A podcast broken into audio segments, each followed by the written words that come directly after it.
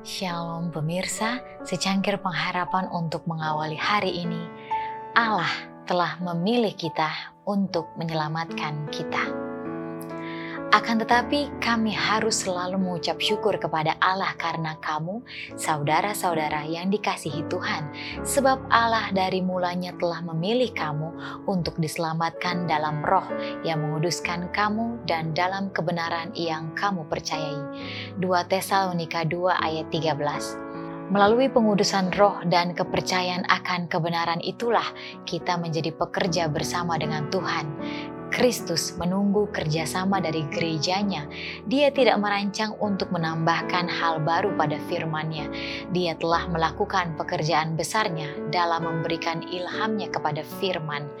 Darah Yesus Kristus, roh kudus, firman ilahi adalah milik kita.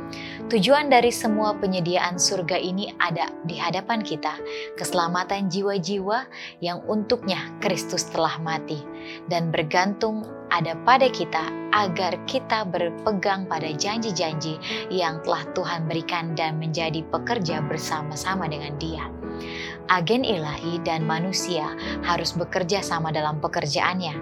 Setelah berada dalam dewan musyawarah Allah dan tinggal di ketinggian abadi tempat kudus di surga, semua elemen kebenaran ada di dalam dia dan berasal dari dia. Dia bersatu dengan Tuhan. Itu berarti lebih dari yang dapat dipahami oleh pikiran yang terbatas untuk hadir dalam setiap upaya misionaris Kristus, yaitu dia yang disalibkan. Kristus bangkit dari kematian.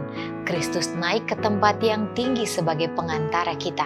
Inilah ilmu keselamatan yang perlu kita pelajari dan ajarkan. Dalam usahanya untuk mencapai cita-cita Allah baginya, orang Kristen jangan pernah putus asa. Kesempurnaan akhlak dan rohani oleh rahmat dan kuasa Kristus dijanjikan kepada semua orang. Yesus adalah sumber kuasa, mata air kehidupan. Ia memimpin kita ke tahta Allah dan menempatkan ke dalam mulut kita suatu doa dengan mana kita dibawa ke dalam hubungan yang langsung dengan Dia. Untuk kepentingan kita, Ia menjalankan segala tenaga yang berkuasa dari surga. Demikianlah renungan kita hari ini. Selalu mulai harimu dengan secangkir pengharapan.